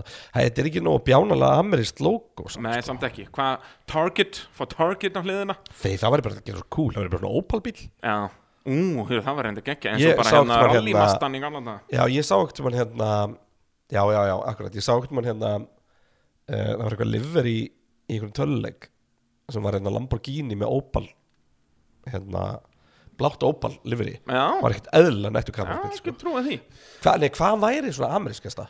Sunoco Sunoco Sunoco Race Fuels Heru, Það er enda Um, rétt uh, þú skip- veist, æ, Það er eitthvað, na, verður að vera skyndibiti sko, að vera KFC eða eitthvað, hafa the general Nei, hérna uh, kur- M&M. M&M Það er líka legendary í Já, NASCAR það og er svona það sem ég er að segja Heyrðu, Og hérna, og það er DuPont. engin M&M bíl í, í NASCAR í ár Í alvegni?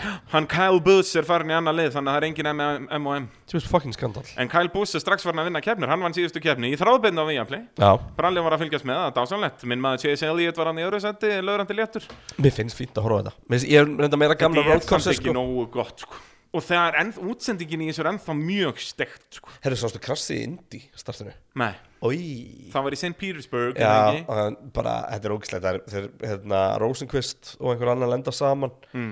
Og verður eitthvað svona pæla upp í gegnum Sko flatt átt hægri beigju sem er samt bara Þú veist, ég myndaði bara hérna Beiguna eftir chikanið Í, hérna Í Mónaco áður en hún kemur að hérna Bara út úr göngunum Já, sérst, já, eftir það næsta beðan, vinstri beðan sem er svona Já. eiginlega flatt en samt Step ekki back. bara ógeðslega rætt akkurat og hérna svona þannig beða klippur á innaverinni lenda eitthvað saman, svo bara eitt sem bara stoppa meiri bröðin og bara byttin í hliðina á honum. Ah. En slupp allir það Já, veist, og nema, hann fór ekki inn í hann sko, Já, heldur fór skýst hann, yfir hann, Ah, hann. nei, hann bara svona, eiginlega- hann er svona á stoppi og þeir bara svona beintu, bara svona neitt á trampolinni Já, það er bara svona í töluleik sko Ég þarf að googla þetta uh, ég held að sé í lagi með alla, þetta var nasty shit sko En hvena, vann Eriksson? eða? Já. Ég sá Grósjan og Pól og Eriksson vann Ég, það er, ég kynntist einum sænskum svona motorsport fjölmiðlamanni hérna á Race of Champions Já. og ég sá það hjá honum að hérna, hann var be- á bara einbrautinu bara að horfa á þetta út að Eriksson vann og Já, þurfti já, bara að skrifa fréttur um það og eitthvað. Einmitt. að, hérna, þannig að það hefur verið stemming og eins og ég segi þetta er allt í þráðbyrni á Viaplay Jep. þannig að hvetjum alla til að næla sér í áskrift þar ef það er ekki með það nú þegar og svo Já, er og náttúrulega formúlan talandi, þarna. talandi eins um Viaplay þá hérna má ekki gleymast sko að Viaplay er alltaf að fara að framlega fylgta formuleitt kontenti Jep. og fullt bara, sem- bara íþróttakontent ja, og ég bara ákveð að opna hérna formuleitt á Viaplay og þú er með sko fjóra þættu max, tveir nýjir frá ég veitur mm Mhm. -hmm. svo náttúrulega verða allir að horfa á þess að Perry McCarthy heimildamynd hún er Já. fokkin dásaleg bara, hvað, þetta er uh, 20 hálftíma mínútur eða mynd, eitthvað, já, já. geggjuð en svo er mynd hérna sem var dettin sem ég hef ekki séð bara, sem er bara um Williams Já, hún er geggjuð. ég hef ekki séð hana Það, þetta er mjög góð mynd. Hún er alveg rúmur klukkutíma held ég. Hún er frá 2017 Já, bara, og heitir hún ekki bara Williams? Hún er tveit tímar Já, og hún er snild, sko. Þetta er bara um Frank Williams aðalega, skilur. Já. Og hvernig hann byggir upp veldið og Já, allt. veist, og ég myndi þetta sá er bara mjög þú áhugaverð. veist, Bara hérna myndin er bara svo þetta séum senna eða eitthvað skilur þú segi veist, það. Þetta er bara alveg þannig lúkka á þessu Ég sko mæli mjög mikið með þessari mynd. Ok, ég þetta er ætla að uh, checka hana. tær snild. Byrjar hann að bara... Þeir fjalla um lausu þetta. þig að fara og leggst aftur upp í rúmi fyrir að horfa Ég nákvæmlega fyrir að vorkina sjálfið þér Mhm. uh, Þá var komið að því að tala um Haas sem að uh, já, er uh, í áttunda til tíunda seti það eru núna komið að liðunum sem að skoruðu engin stig uh, Af hverju setur þú að hans efst Þeir eru reyndar ekki efstir, þeir eru í níunda Ég bara nefnt ekki að færa Á það út að eftir- það var röðin í Eftir fyrra Alfa Tauri Já, Alfa Tauri eru í áttunda, Haas eru níunda, McLaren eru tíunda Ok uh, Þannig að þetta er rángri röð hérna bara út að ég nefnt ekki að fokki því frá því í fyrra ah, Ég myndi segja að það veri aumingi með hóri í erónum svolítið, Yes. það er ótt að segja það uh, Kevin Magnussen uh, ræsir uh, ekki tíundi Nei er, er ég Hann tómur datt út ugli í þarna? Q1 hérna. ég er í, í tómur ugli í, í þessu skjali mínu ég glemt að uppfæra þetta Já. en þeir enduðu 13. og 15. Ég Nei, er get þetta ekki staðfest öfitt hjá Það þér gæti Magnús er næstu 17 og Jú. Hulkeberg 10 Já, ég var, uh, gerði löflegt mistök hann Jip uh, og enda 13. og 15. Hvað var að frétta með Hulkenberg?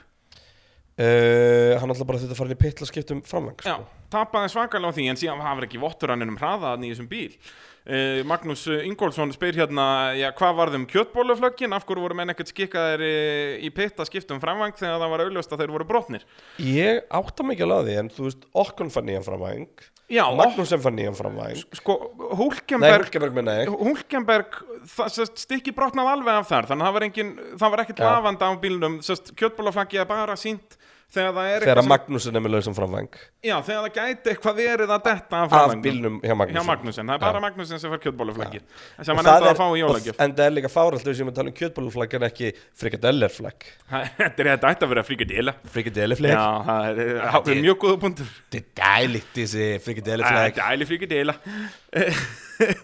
Eh, En Hulkenberg eh, brotnaði alveg af Okkon var þetta samt Ok, svona vá, að leita ekki ég- út verið að sorry. vera alveg að detta Sorry, ég er eitthvað komin núna bara í þetta frikadellerflagg Tjúvill væri það geðvegt að hlusta á dönsku lýsingunni Næ, for helviði He, Hann har nú de- uh, frikadellerflagg út på Magnusin For helviði Og dönsku lýsendur náttúrulega bæjist út af Magnusen Já, þetta var Já, veistla og, ég- og kjötbólum Og vera, já, og vera alveg stöppu farnir maður Já, það Heyrðu, væri geðveikt. Ég er til í þetta Þetta er bara skets sem við Við, við, þurfum að búið upp á við, þetta þurfum sko að, við þurfum að hérna, hendi þennan skett Nei, for helviði Frikadelefleg Igen Ég lætið mömmu skrifa þetta fyrir okkur, Já, hún já, er eh, ja. reybrenandi í dönskunni.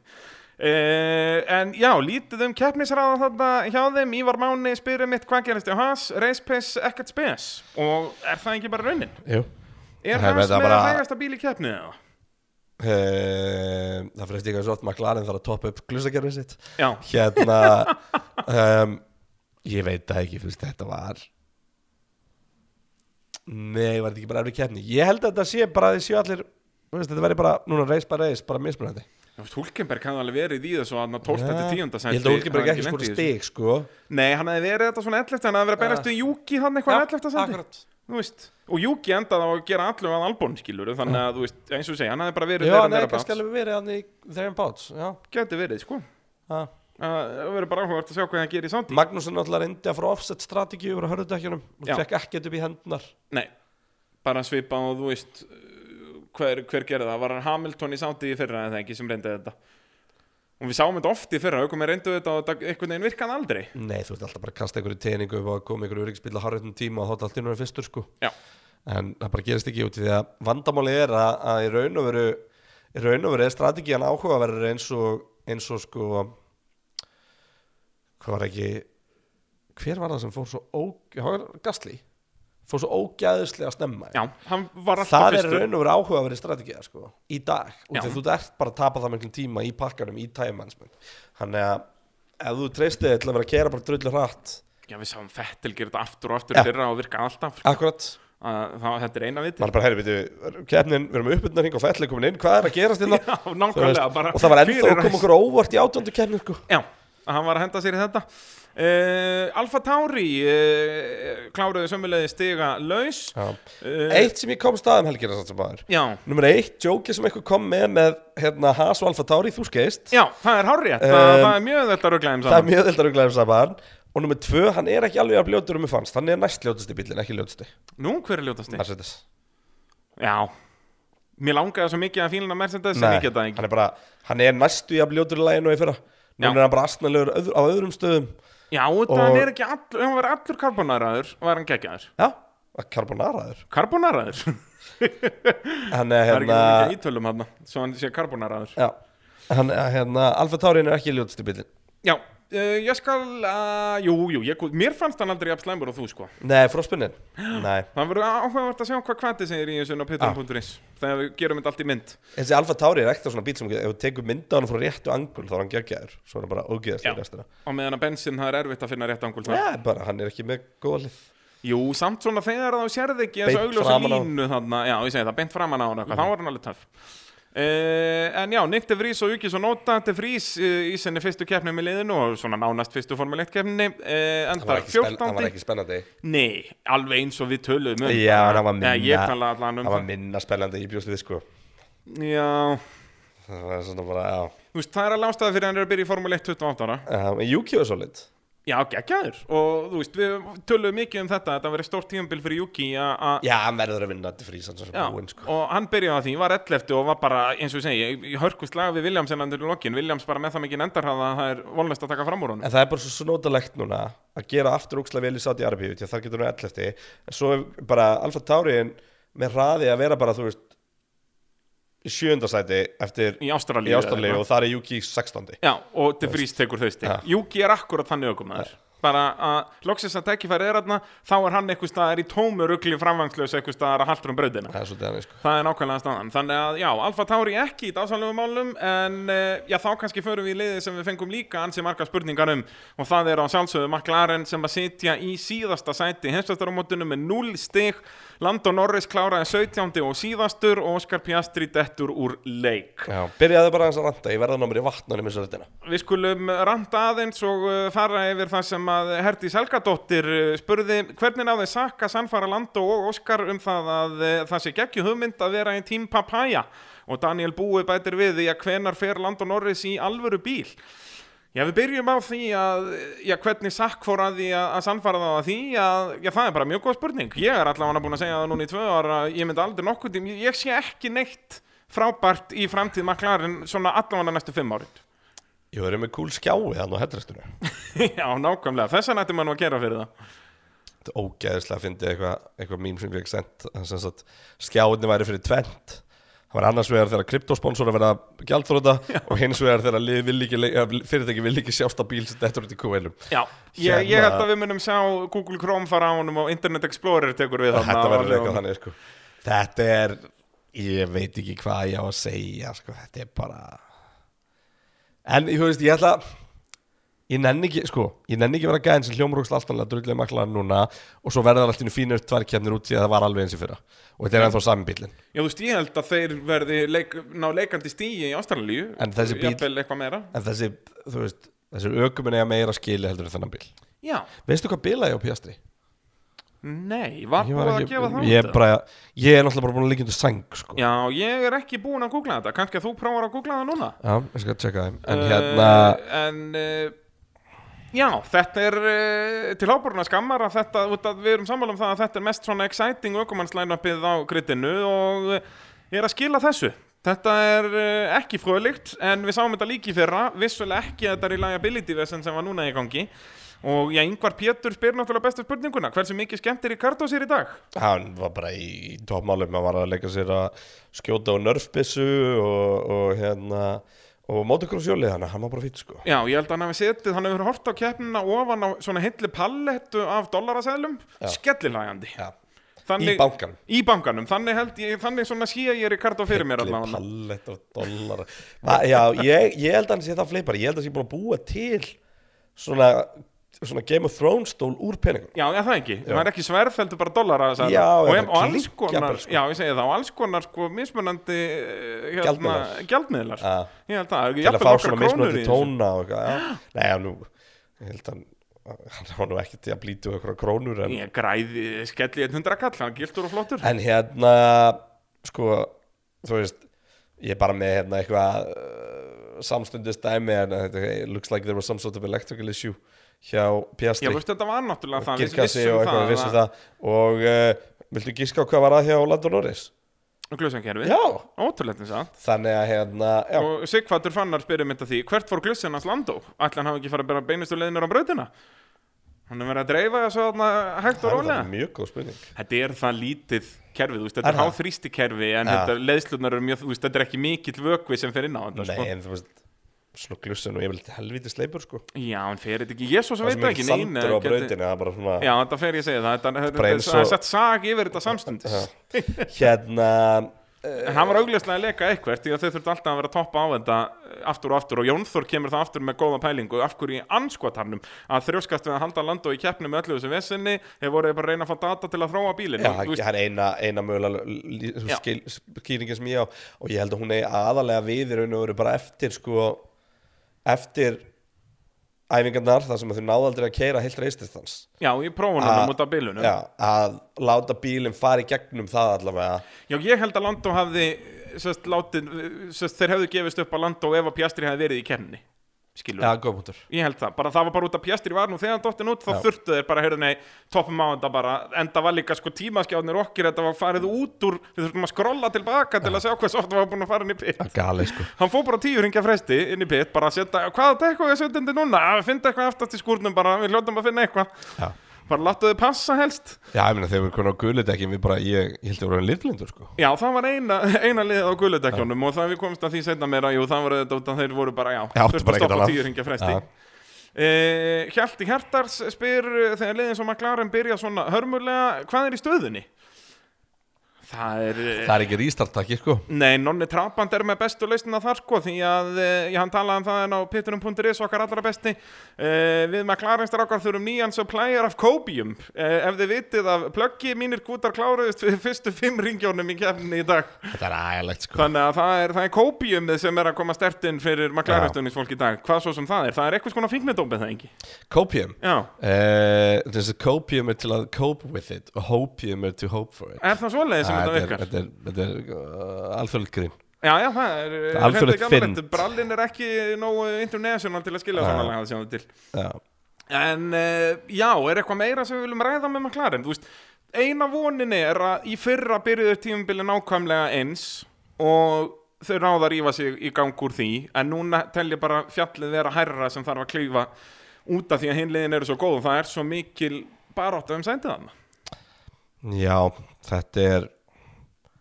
Það, það gæti munið, myndi þess að segja, svo miklu bara að ná tíundurluta af bílum sko Já, og, eh, og en það er líka í staðin lítur rosalega rætt rosalega lítið út þannig að hérna ég held ég ætla bara að anda með nefnu þegar kemur að McLaren þegar þegar- McLaren var búið að segja okkur þetta er svona já, já þú veist, akkur voru Og þú að veist, búast og við ég ykkur öðru held ennþá að þeir munu enda þarna í svona sjötta sætti í heimsvættaramótinu já, já Það er ekkert, uh, ekkert brjálaslega skrítið myndi ég halda ef að það gerist Nei. Uh, en þá er nú komið að nýjung í pitnum. Það er pitturinn X Coolbet dildin í Great Rival. heldur betur Það um, er, hvað, þetta eru ykkur 1200 keppendur í, í Coolbet dildinni.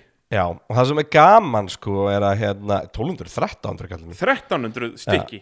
já og það er, þetta er, það er gaman að skoða þetta sko það er hérna, ég kom með skýrslu helgarnar Wow. og uh, sá sem að fær flest stig í þessari umferð fær 1112 stig Jú, jú, það er hann Ísak Trösti.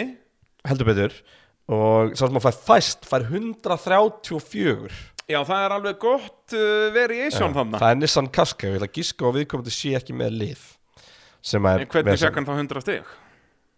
já, þú veist, Hann hann, hlýtur á að setja neitnögum hann eða þú eitthvað. veist bara já, akkurat, Eitthvað svo leiðis, bara eitthvað. eitthvað, eitthvað gott grín. svo hérna svo munum við fylgjast með sko, þú veist, í framtíðinni þá fáum við þú veist, improvement og svona dótið, þannig að þarf að vera eitthvað, Já, já. eitthvað byrjunastæður og, og overtakes, þú veist, hver, hver fór upp um flest sæti og svona Akkurat, akkurat. að hérna í, það sem En ég Ísak hef Trausti, okkar allra besti, ef Já. við værum í Nova Sirius stúdíónu væri ég sennilega að spila eitthvað að bu- bu- bu- bu- bu- já, En Við ég erum ekki er þar. ekki, ég er ekki Nei. vopnaður einu slíku hey Google can you play something that's like victorious þetta er ekki gott podcast Nei, það er, Google fattar þig ekki sko Sure, playing the Spotify playlist called This Is Victoria Justice. Victoria Justice Victoria Justice, hlustum aðeins í Victoria Justice Það heyrist ekki mikið nei. hey Google stop music hérna Á, hvað þetta er sniðut heimili hjá ég þér. veit það um, En já, Ísak Trausti með 1112 stig Já. uh, Ef við förum aðeins yfir liðið hans Hann er með Fernando Alonso, uh, Logan Sargent uh, Carlos Sainz uh, Jr Sergio Perez og Lance Stroll Og svo Aston Martin sem lið já, Þetta og, fer, var og Fernando vinning Alonso formúlan. sem, sem double, points já.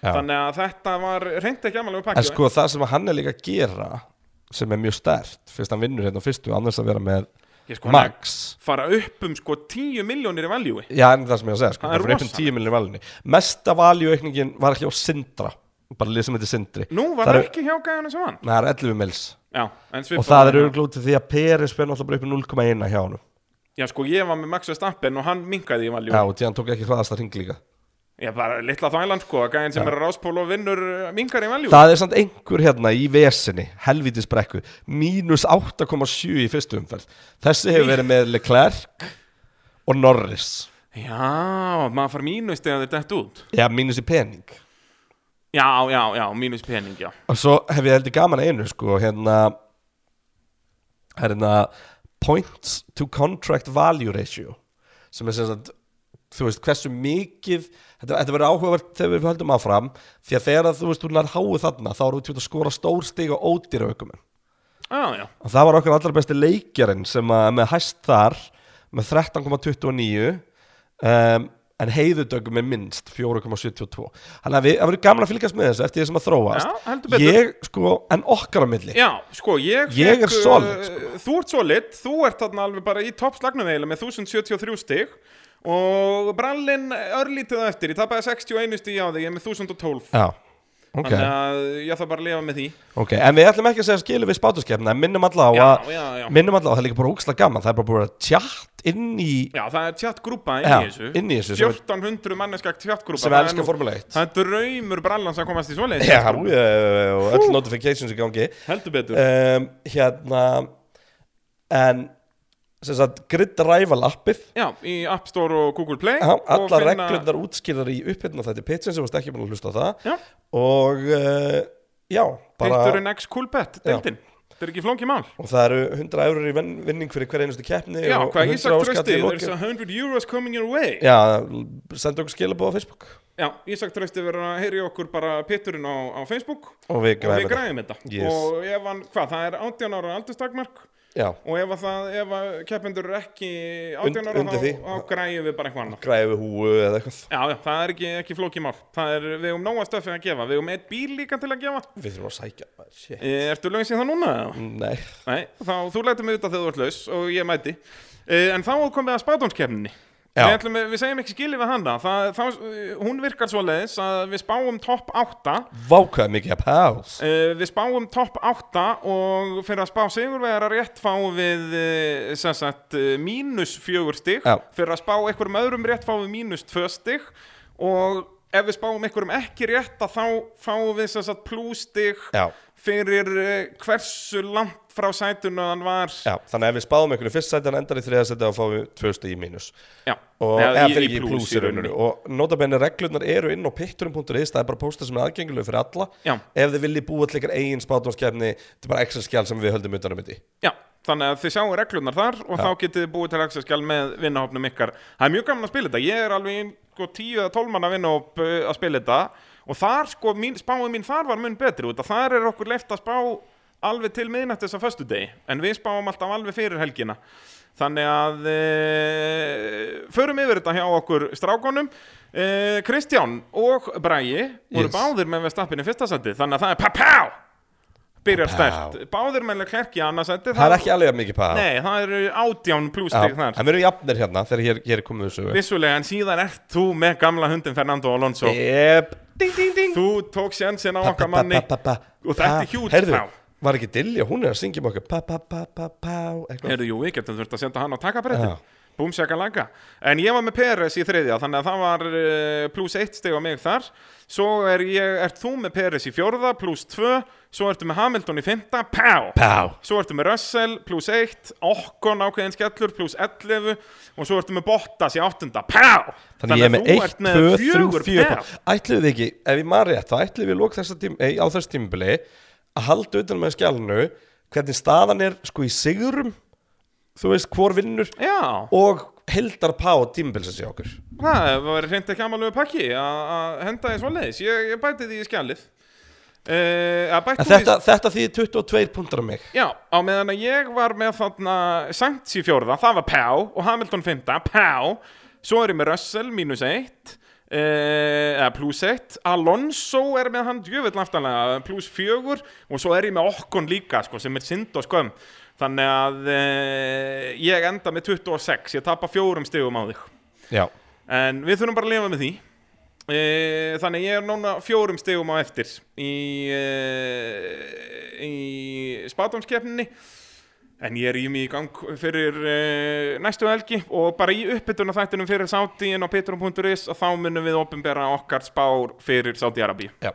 Þannig að fylgjast með því inn á Þú veit þetta henda mér petrum.is. í þetta núna Ég er einhverju hitamóki og eitthvað Já, nei, nei, við ætlum ekkert að að pæla í því, það er svo, tvær vikur í sátti, þannig að við ætlum Já. okkur ekkert upp á því og gera það þannig í sumar að alltaf í uppbytuna þáttunum fyrir hverja keppni, það kem- kom alltaf inn uppbytuna þættirinn á peturum.is á 50 og þá munum við fara yfir okkar spá þegar við erum að rýna í þær keppnir runni. Heldur betur, heldur betur, kíkjum líka yfir stuðulega helgarnar og svona skemmtilegt Nákvæmlega, alg, alls konar skemmtilegt þannig að hvetjum fólk til að skella sér inn á það en á peturum.is Uh, Þetta var að sjálfsögum allt saman í bóði Viaplay, Verkværasölunar, Ólís, Arena, Kalda og Dominos og uh, Kreinar, þetta var tildulega stutt og lagkvæmt núna með að við sko fyrsta race review uh, tímabilsins Já, en ég en ætla mér, bara að en mér sleppa að þér kenna, mér að kenna Því mér, uh, ég beðist bara afsökunar aftur á að vera aumingi með hór, bókstallega í dag Já, Og uh, lofa að vera það ekki aftur það er svolítið svoleiðis þetta er ánefa fyrsti sko þátturinn uh, fyrsti race review þáttur sem er svona stuttur venjuleg fyrsti þáttur er alveg sko rúmir tveir tímar Já. við höldum þessi einum og hálfum núna Já. velkrútlegir á því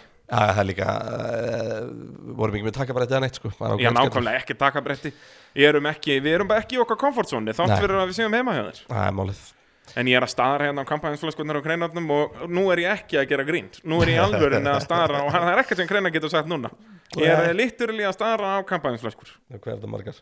Þetta eru hvað, átta stykki eða eitthvað Skotin Það er bara, og getur kreinarinn eitthvað sagt Nei! Nei, nei Indislega fólk, takk fyrir uh, samfélg Ekki láta mig gera eitthvað svona bara, ég er í hakki Já, bara veriði berra svo dásalega fólk og við sjúumst